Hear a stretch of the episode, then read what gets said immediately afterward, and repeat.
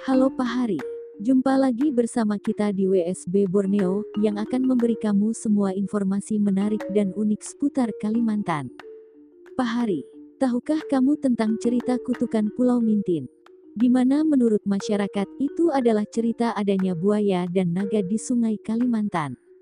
Berikut ini kami akan merangkum cerita singkat tentang kutukan Pulau Mintin versi WSB Borneo.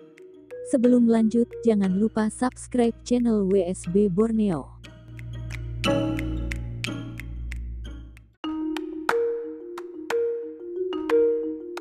Konon zaman dahulu kala, terdapat sebuah kerajaan di Pulau Mintin daerah Kahayan Hilir, Kalimantan Tengah. Kerajaan tersebut terkenal sebagai kerajaan makmur dan damai karena dipimpin oleh seorang raja yang adil, arif, dan bijaksana. Namun suatu ketika, kedamaian kerajaan Pulau Mintin sedikit terganggu ketika Sang Permaisuri meninggal dunia. Kematian Sang Permaisuri membuat Raja Pulau Mintin menjadi murung. Ia nampak selalu bersedih. Keadaan ini membuatnya tidak dapat lagi memerintah dengan baik. Pada saat sama, kesehatan raja pun menjadi lama semakin menurun. Penasihat kerajaan menyarankan agar raja pergi berlayar beberapa lama guna mengobati kesedihannya.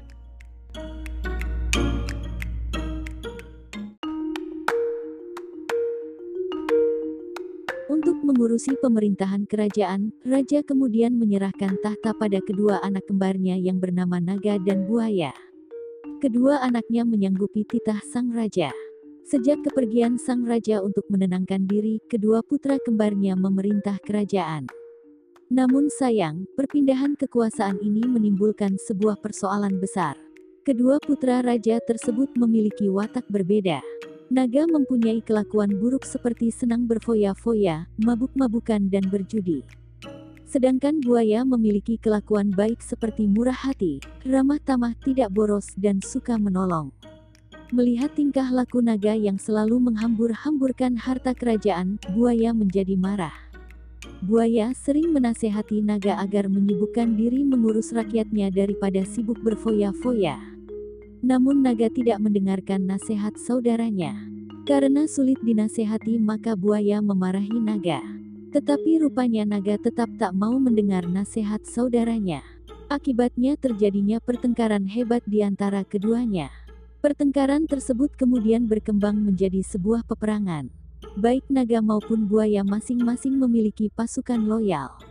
Kedua pasukan sering terlibat peperangan yang memakan banyak korban jiwa di kerajaan Pulau Mintin. Sementara, dalam pelayarannya, sang raja mempunyai firasat buruk mengenai kerajaan yang ia tinggalkan. Ia khawatir dengan kondisi kerajaan karena mengetahui perangai kedua anaknya. Ia pun segera mengubah haluan kapalnya untuk kembali ke kerajaannya.